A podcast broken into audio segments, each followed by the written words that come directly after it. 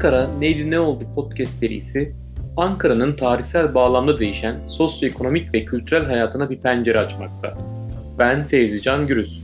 Rasim Özgür Dönmez ile birlikte hazırlayıp sunduğumuz podcast serimizde birbirinden farklı ve değerli konukları misafir ederek sizleri Ankara'da başlayan ve Ankara'da bitecek olan bu keyifli yolculuğa davet ediyoruz. Keyifli dinlemeler dileriz.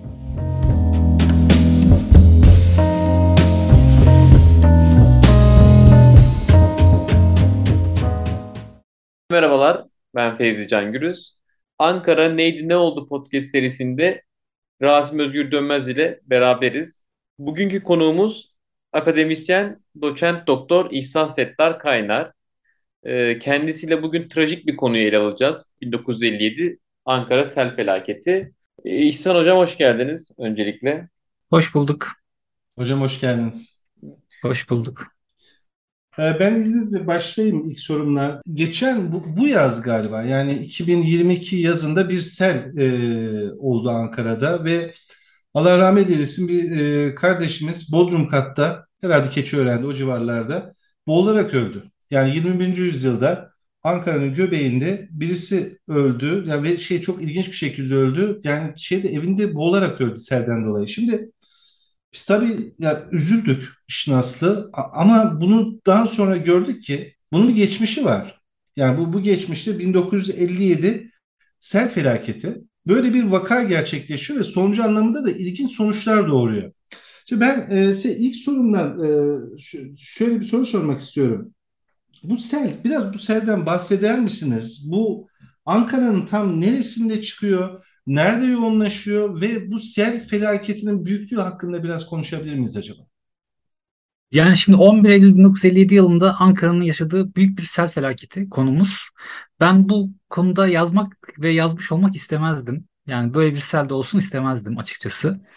Ee, sonuçları itibariyle çok fazla insanın öldüğü, çok sayıda insanın öldüğü, bugün bile hala kaç kişinin öldüğünü bilmediğimiz, çok büyük e, maddi zarar verdiği, e, şehrin yani hem çehresinin değişmesinde hem de insanların hafızasında e, suya karşı negatif yaklaşımı şey yapan e, çok özel bir felaketten bahsediyoruz aslında 11 Eylül felaketinden. Bu felaket Kayaş Vadisi'ndeki e, yani bugün bizim Hatip Çayı olarak, Bent Deresi olarak adını bildiğimiz ama hiçbir şekilde görmediğimiz e, sadece siyah beyaz Ankara fotoğraflarından bildiğimiz çok hoş bir e, vadi yatağındaki e, vadi yatağındaki suyun aslında çok daha gerilerinde yani şehir merkezinde değil ama çok daha kaynağına yakın yerlerde başlayan dolu e, ve yağmur e, yani sağanak yağış sonrasında ve dolu yağış sonrasında e, şehirde tek bir damla yağmur yağmamasına rağmen e, çok büyük bir sel felaketi neden olması. Yani burada şey sorunumuz var. Yani Ankaralılar aslında yağan yağmuru görmüyorlar. Gelen seli görüyorlar sadece. Yani bu sel felaketinde zarar gören insanlar. Bu Kayaş Vadisi neresi oluyor diye sorarsanız eğer Kayaş Vadisi e, bugün aslında Samsun çıkışı, demiryolu hattının işte doğu çıkışı gibi düşünün. E, yani Kayaş, Üreil, Mamak, Saime Kadın, Gülveren, e, Bent Deresi, İsmet Paşa Mahallesi, Demirli Bahçe, Atıf Bey, Dış Kapı, e, bugünkü e, Ankı olduğu, o AVM'nin olduğu o çok geniş bir alana kadar ta Kayaş'tan yani Mamak'tan itibaren gelen e, ve e, bütün havzayı su içinde bırakan e, bir sel felaketinden bahsediyoruz. Yani Çubuk Gölü'nün işte 3-4 e, katı olduğu işte gözlemler o dönemki gözlemler sırasında. Çünkü su geldiği gibi çekilmiyor. Yani bir yandan da önüne kattığı her şeyi önüne alıp sürüklediği için bir yerden sonra aslında kendi kendine hem hızlı kesiliyor hem de gittiği yerde önü kapandığı için bir göle dönüşüyor. Tabii arama tarama çalışmaları ta Etimeskut'a kadar sürüyor bu arada. Yani ta Mamak'tan başlayıp Kayaş'tan ta Etimeskut'a kadar. Yani çok geniş bir alanda arama tarama çalışmaları yapılıyor. Yani genel olarak böyle senin etkilediği alan. Ee, şimdi hocam, e, şimdi biz bu Ankara su şehri dedik. Yani bir sürü e, aslına bakarsanız e, akarsuyun aktığı bir şehir. Su yollarına galiba yapılan yapılar var ve bu yapılar da ağırlık olarak gece konulardan oluşuyor. O dönemki iktidar diyelim, Demokrat Parti iktidarı. Yani bunu görünmezlikten mi geldi? Yani ne yapmaya çalıştı veya neyi gözden kaçırdı diyelim biz? Tam olarak 1957 yılını düşündüğümüzde yani Ankara'nın aslında bir şehir planı yapılmış. Ama burada tabii bu plan çok ölü doğan bir plan olarak bilinir ve şehrin genişlemesine, nüfusunun iyi hesaplayamamasına, şehrin çeşitli aksların oluşmasına katkısı olmuştur ama işte tam bu dönemde aslında Adnan Menderes hükümetinin Ankara'ya e, bir e, bu Bent Deresi Vadisi'nde yani aslında plandan daha önce yani 56 yılında plan kabul edilmeden önce bu bölgedeki gece konuları ortadan kaldırma, buradaki e, nehri menfeze alıp buraya geniş otoyollar açma gibi fikirlerinin olduğunu ve buna yönelik de istimlaklara başlandığını biliyoruz. Şimdi burada zaten sel felaketi olduktan sonra e, valinin ya da başbakanın açıklamanında şöyle şeylerle de karşı karşıyayız. Yani biz burada zaten büyük bir kısmını istimlak ettiğimiz için buradaki gece konuların sel felaketinin sonuçlarının ağırlığı azalmıştır. Daha az insan ölmüştür. Daha az can kaybı ve mal kaybı olmuştur. Gibi bir şeyimiz var burada. Tesellimiz var. Ama bu buralar neden gece kondu olmuştur bu bölge Bentderesi Vadisi? Çünkü şehrin aslında en merkezinin en yanındaki yani e, ulus merkezde Ankara düşündüğümüzde Bentderesi Vadisi o sel felaketinin yaşandığı o vadi aslında şehrin en yakın yeri, en dibi ve ama buralar e, sayfiye yeriyken, gezme yeriyken bir anda gece konularla dolup daha sonra devletin oradan o gece konuları çalış, kaldırmaya çalıştığını e, şahit oluyoruz. Ve bunun bir kısmı becer, becerdiklerini hatta sel felaketi Ankara'da yağmur yağmadan olduğu için selin gelişini bilen e, yöneticilerin e, sel geliyor uyarılarını da insanların aldırış etmediğini görüyoruz. Çünkü insanların evlerinden çıkartılmaya çalışıldığını o vadideki gece kondulardan. E, bu yüzden de hani zaten bizi çıkartmaya çalışıyor. Bunu da uyduruyorlar diye düşündüğüne dair şeyler okuyoruz haberlerde, haber metinlerinde. Yani karşımızda şöyle bir sorun var. Yani Bent Deresi Vadisi'ndeki bu evlerin boşaltılıp bunun menfize çekilmesi ve buradan bir yol geçirilmesi aslında Ankara'da derelere yapılan e, ilk kötü uygulama diye düşünebiliriz bunu. Şimdi 1930'larda İncesu Deresi'nin yarattığı bataklık ortamının bataklığın ortadan kaldırılması için orada bir gençlik parkının yaratılması, e, dil tarihinin önündeki o kanalın açılması, genç İncesu'ya yapılan müdahale aslında şehri güzelleştiren bir müdahale. Daha sonra Çubuk Çayı'nın üzerine bir baraj yapılması, Çubuk Çayı'na yapılan barajla beraber Ankara'nın orada bir e, gezme alanının, baraj çevresinde bir eğlence alanının oluşması Ankaralı'nın hafızasına çok önemli e, yer tutuyor. Yine Çubuk Barajı'na yapılan bu müdahale de aslında iyi bir e, müdahale. Ama artık e, şehrin içindeki kısmı olan bu Bent Deresi'ne e, tamamen ortadan kaldırılmaya çalışılıyor. Böyle bir sorunumuz var 1957 yılında. Ee, genelde kadın ve çocukların, özellikle çocukların daha fazla vefat ettiğini e, yazıyorsunuz ve bunların sayısında çok belli olmadığını yazıyorsunuz.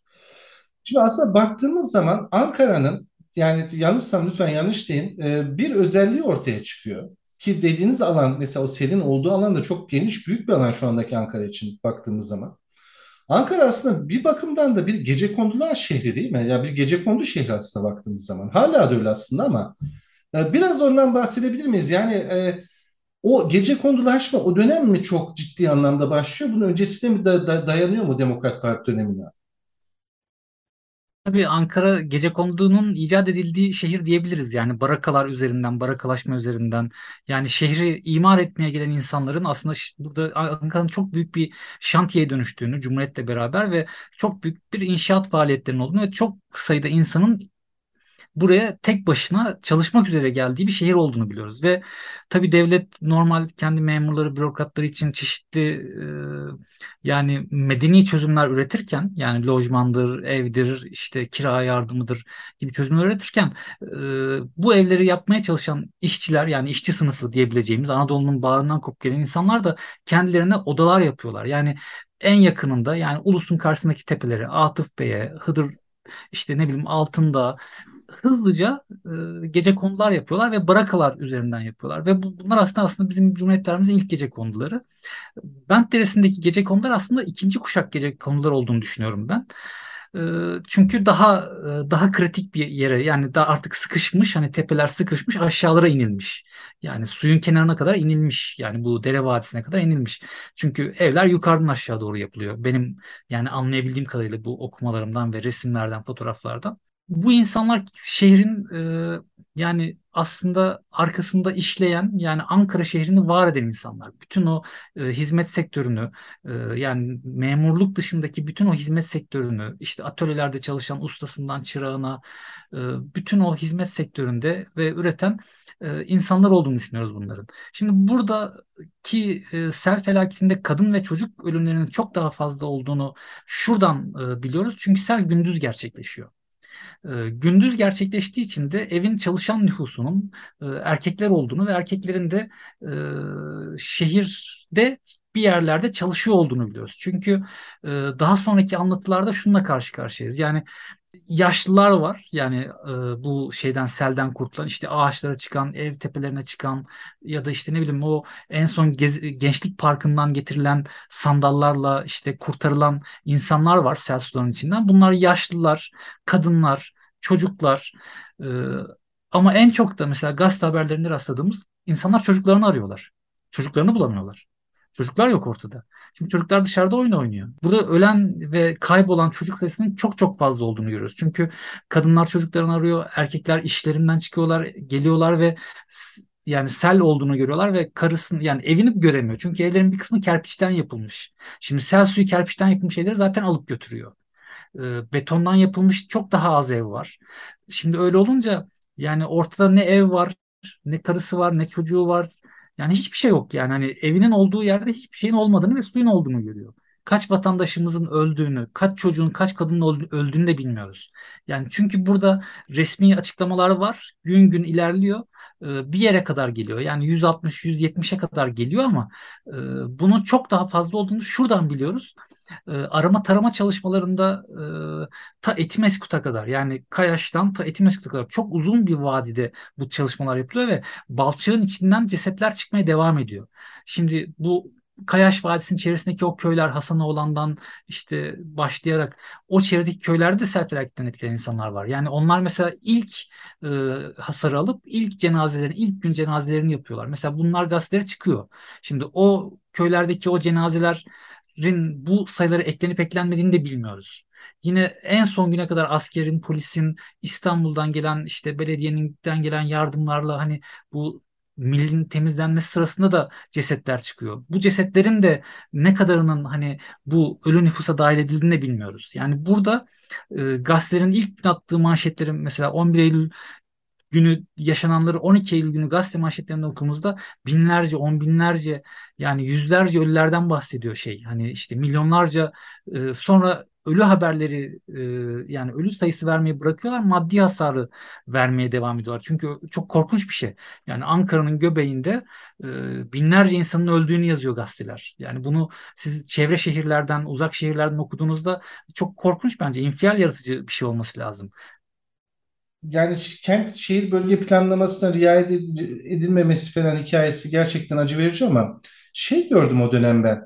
O günkü devlet gerçekten e, bir olağanüstü hal devleti benim gördüğüm kadarıyla. Yani o Kurtuluş Savaşı'nın şey bu ne diyeyim size savaş mantığı geçmemiş gibi geldi bana. Çünkü birden müthiş bir kriz yönetimi yapıyorlar. Yani bugün yapılabilir mi? Yani bu kadar iyi bir kriz yönetimi onu bilmiyorum yani. Gerçekten o sele rağmen e, müthiş bir e, kriz yönetimi yapılmış değil mi? Yani yanlış mı düşünüyorum? Doğru düşünüyorsunuz. Yani gece ilk önlemler alınmaya başlanıyor. İşte askeriyenin yani askerler çok hızlı bir şekilde kullanılıyor.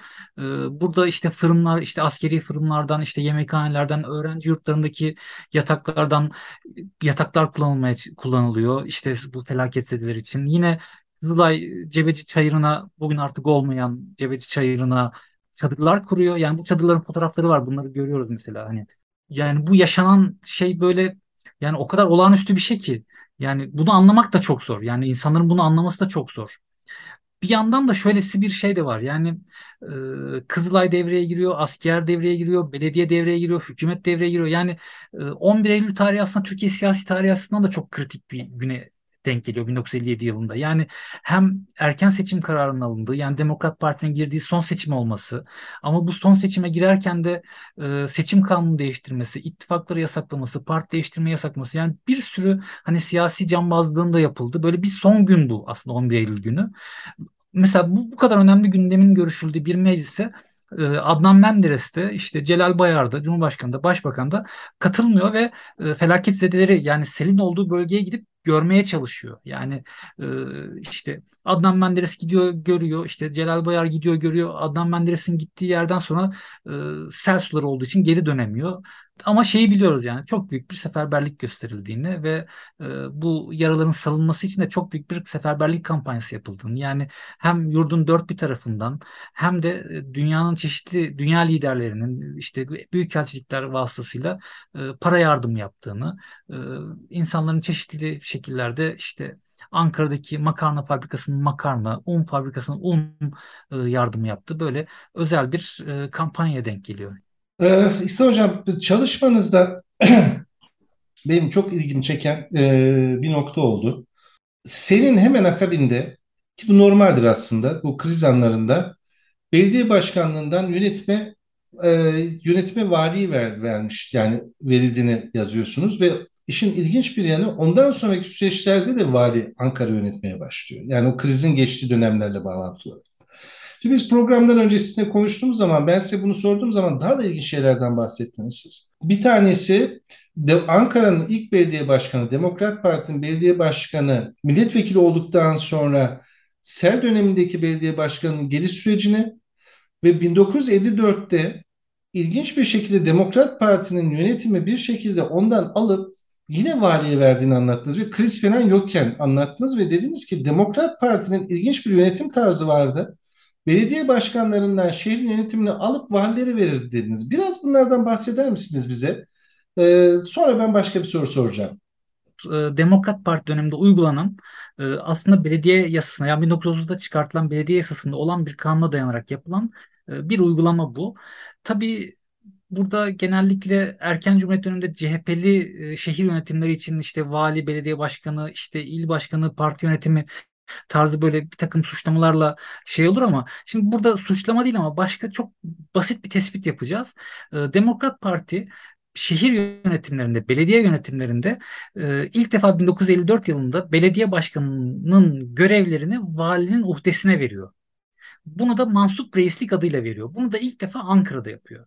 Yani Ankara hep ilklerin yapıldığı bir şehir olduğu için bunun ilk defa Ankara'da yapılması ve Ankara'ya özel bir e, yönetim modelinin uygulanmasında çok şaşırmıyoruz. Çünkü Cumhuriyet de Ankara'da kurulduktan sonra Ankara'da e, şehir emaneti kanunu çıkartılıp ayrı bir özel belediye e, belediye hizmetler yapılıyor. Yerel yönetim hizmetleri yapılıyor.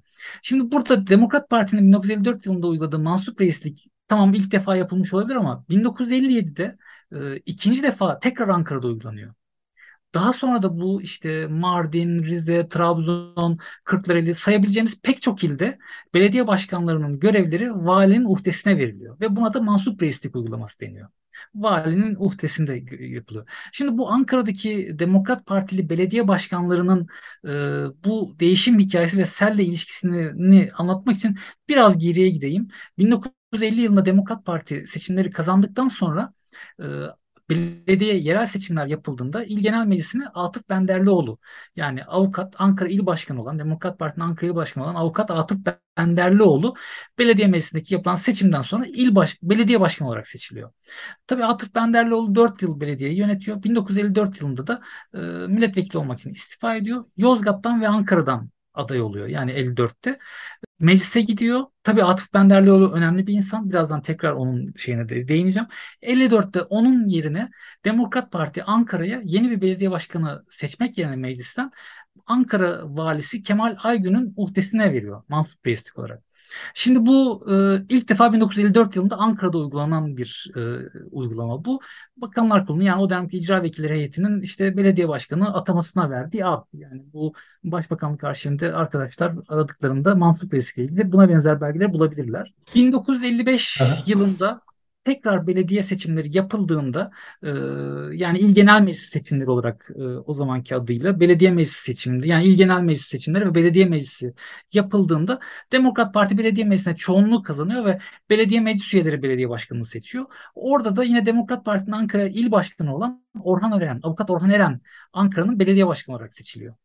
Tabii burada Ankara'nın Orhan Eren belediye başkanı olarak seçilirken karşısında yarışta bir Demokrat Partili aday daha var. Yani Demokrat Parti'nin içinde bir parti içi de demokrasi var ve iki aday yarışıyor ve bu diğer yarışan aday da e, Adil Ünlü ismi. Adil Ünlü de Atıf Benderlioğlu. Yani ilk belediye başkanının ekibindeki kişi ve Atıf Benderlioğlu aslında ilk belediye Ankara'nın ilk Demokrat Parti belediye başkanı olarak kendi destekli adayın belediye başkanı olmasını şey yapamıyor. Yani e, ve aslında Ankara siyasetinden bir şekilde tasfiye olma süreci başlıyor onun için. Çünkü avukat Orhan Eren'in e, ekibi Ankara'yı yönetmeye başlıyor. Ancak 1957 yılındaki e, sel felaketi, sel felaketinin yönetimi ve daha sonra 1957 seçimlerinde Demokrat Parti'nin Ankara'daki çoğunluğu kazanamayarak 22 milletvekiline CHP kaptırması sonucunda Orhan Eren bu başarısızlığın sonucu olarak istifa ediyor belediyeden. Belediyeden istifa ettiği için de onun yerine belediye başkanı istifa ettiği için de Demokrat Parti e, Ankara'ya tekrar belediye başkanı yani il genel meclisinden belediye başkanı seçmek yerine tekrar iç yani e, bakanlar kurulundan Ankara'ya bir mansup reis atıyor. Uygulama tekrar ediyor. Yani ilk defa değil ikinci defa yapılıyor ve burada Kemal Aygün yani Ankara'nın meşhur valisi, e, bürokrat, emniyet müdürü yani çok önemli bir bürokrattır kendisi. Ankara'nın mansup reisi olarak atanıyor. Daha sonra işte Dilaver Argun geliyor. Daha sonra da 60 e, darbesi oluyor ve Ankara'nın aslında seçilmiş iki tane Demokrat Partili belediye başkanı var Demokrat Parti döneminde ve bu iki başkan da yerini mansup reislere, valilere bırakıyorlar. Tabii Orhan Eren'in belediyeden gidişi yani belediyeyi bırakmak zorunda kalmasının sebebi aslında sel felaketi ve millet Ankara'daki çoğunluğu CHP'nin kaybetmesi. Böyle garip bir e, hikaye eşlik ediyor bize Ankara'nın bu sel felaketiyle beraber. E, Demokrat Parti'nin içindeki bu e, yani çok çalışılmayan, çok konuşulmayan kendi iç işleyişi ve şehir yönetimiyle ilgili böyle bir e, bilgi sunuyor bize. Hocam şimdi başka bir şey daha benim çalışmanızda ilgimi çekti. Şimdi biz bu dönemlerde siyaset bilimciler, siyaset bilimcilerin önemli konularından bir tanesi dünyada ve Türkiye'de polarizasyon yani kutuplaşma hikayesi. Şimdi ben bakıyorum e, aslında hikaye 1950'lerde de var ve bu sel felaketi müthiş derecede CHP ve Demokrat Parti şeylerini söyleyeyim partileri ve içindeki aktörleri bölüyor. Yani bu bölünmeyi de siz o çalışmanızda onu çok güzel anlatmışsınız. Gazeteler üzerinden yapıyor. Bu bir. İkincisi ilginç bir e, ihbar oluyor.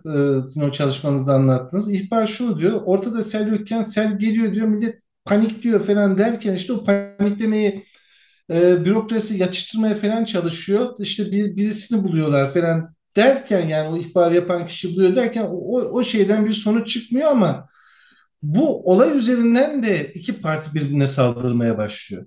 Biraz burayı da anlatır mısınız? Hem o polarizasyon, orada da ilginç bir kişi var. O kişi üzerinden birbirlerine yükleniyorlar. Onu da anlatırsanız çok güzel bir konu gibi geliyor bana. Yani şöyle diyebiliriz. Yani bir sel felaketi yaşanmış. Selin yaraları sarılırken insanların tekrar kendilerini sel geliyor diye, birbirlerine sel geliyor diye korkuttuğu bir ana denk geliyoruz. Bir bir ana denk geliyoruz bu sel felaketinin ertesinde. Burada tabii yine selin gerçekleşmesiyle ilgili bence bu. Çünkü sel gerçekleştiğinde Ankara'da yağmur ya da e, dolu yağmıyor. Şehrin dışına yağış olduğu için e, sel felaketi gerçekleşiyor ve insanlar yağmuru görmeden sele selle mar sele maruz kalıyorlar. Yani ikinci e, olaysa e, Çubuk Barajı'nın işte kapaklarının kırıldığı ve işte oradan Çubuk Barajı'nın sularının Ankara'ya doğru geldiği e, üzerine insanlar e, ulusta buna benzer bir söylenti ortaya çıkıyor. İşte arabalar işte arabadan birisi sesleniyor. işte polis arabası uyarı yapıyor.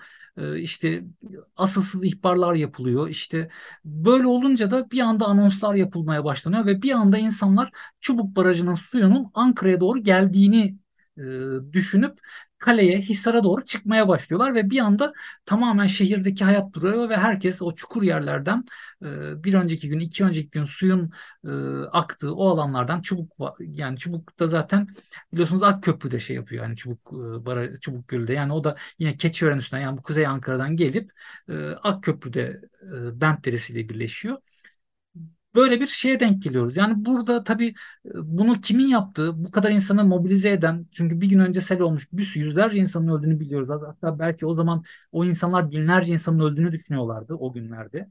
Çubuk Barajı'ndan gelen suyla da çok daha fazla insanın öleceğini düşünüp hızlı mobilize olmuş durumlar. Ama tabii Bunun böyle olmadığı ortaya çıkınca, bunun bir söylenti olduğu ortaya çıkınca hızlıca suçlamalar başlanıyor. Yani ilk bunu Zafer Gazetesi'nde şeyi görüyoruz işte e, aynı günlerde CHP'nin e, kongresi var İstanbul, Ankara'da ve bu kongre yani bugün kongreler gibi ilk günde süren kongreler değil o zaman parti kongresi. Haftalarca sürüyor. Yani konuşuyorlar, konuşuyorlar, konuşuyorlar, kararlar alıyorlar. Böyle olunca delegelerin bir kısmı hani kürsüye çıkan delegeler gazetelerde görünür oluyor, bilinir oluyor. İnsanlar o çok konuşan işte bu daha marjinal olan böyle garip şeyler söyleyen insanları o gazetelerdeki o şeylerden, haberlerden tanıyıp görebiliyorlar.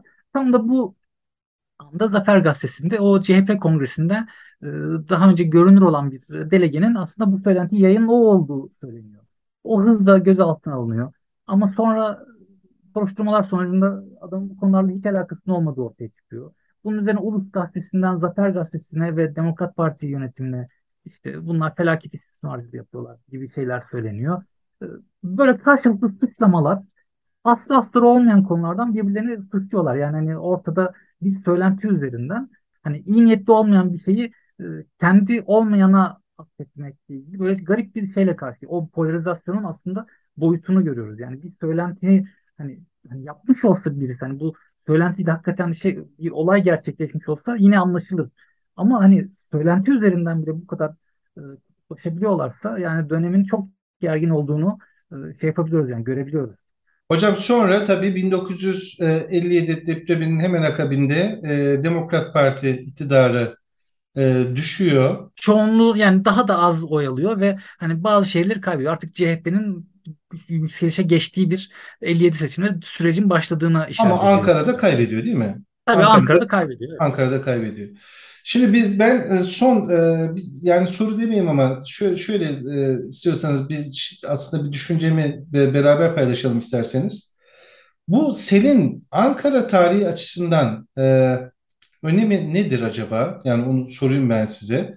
Hala bazı şeyler Ankara'da devam ettiğini ben görüyorum. Mesela her yağmur yağdığında her tarafın göl olduğunu görüyorum. Yani e, nedir hocam? Yani biz, biz e, 1957 de şey pardon seninle baktığımız zaman e, bugünle bağlantılandırarak ne anlamalıyız? Yani buranın öne, bu olayın önemi nedir?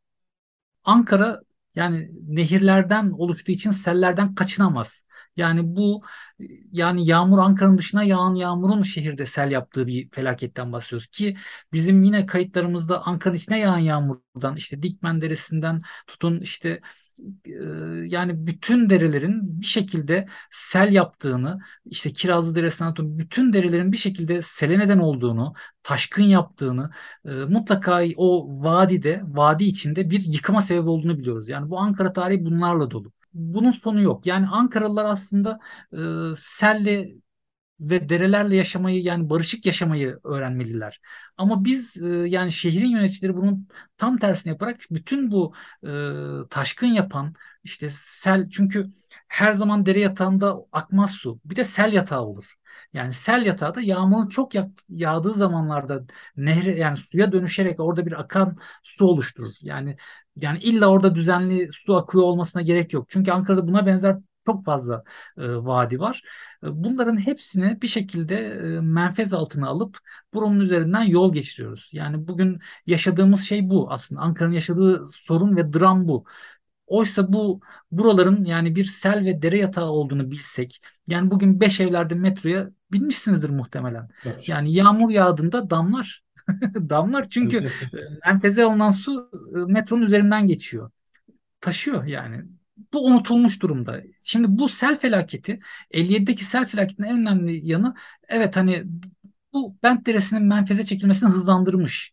O bölgedeki istimlakı hızlandırmış ama daha sonrasında 61'de e, tekrar büyük bir sel felaketi yaşanıyor. Daha az insan ölüyor ama o zaman Ankara sel kapanları yapmaya başlıyorlar. Bugün bizim e, gezi ve şey yeri olarak bildiğimiz yani bizim aslında göl olarak bildiğimiz ama o zamanlar hani vadiden yani Ankara dışındaki vadilerden şehre su gelişini azaltmak için şehir dışına hani o sel yatağı olarak kapan olarak yapıyor ve bugün onlar göl gibi görüyoruz onları ama onların onlar sel kapan olarak yapıyor. Bu şehir dışındaki müdahaleler böyle müdahaleler var.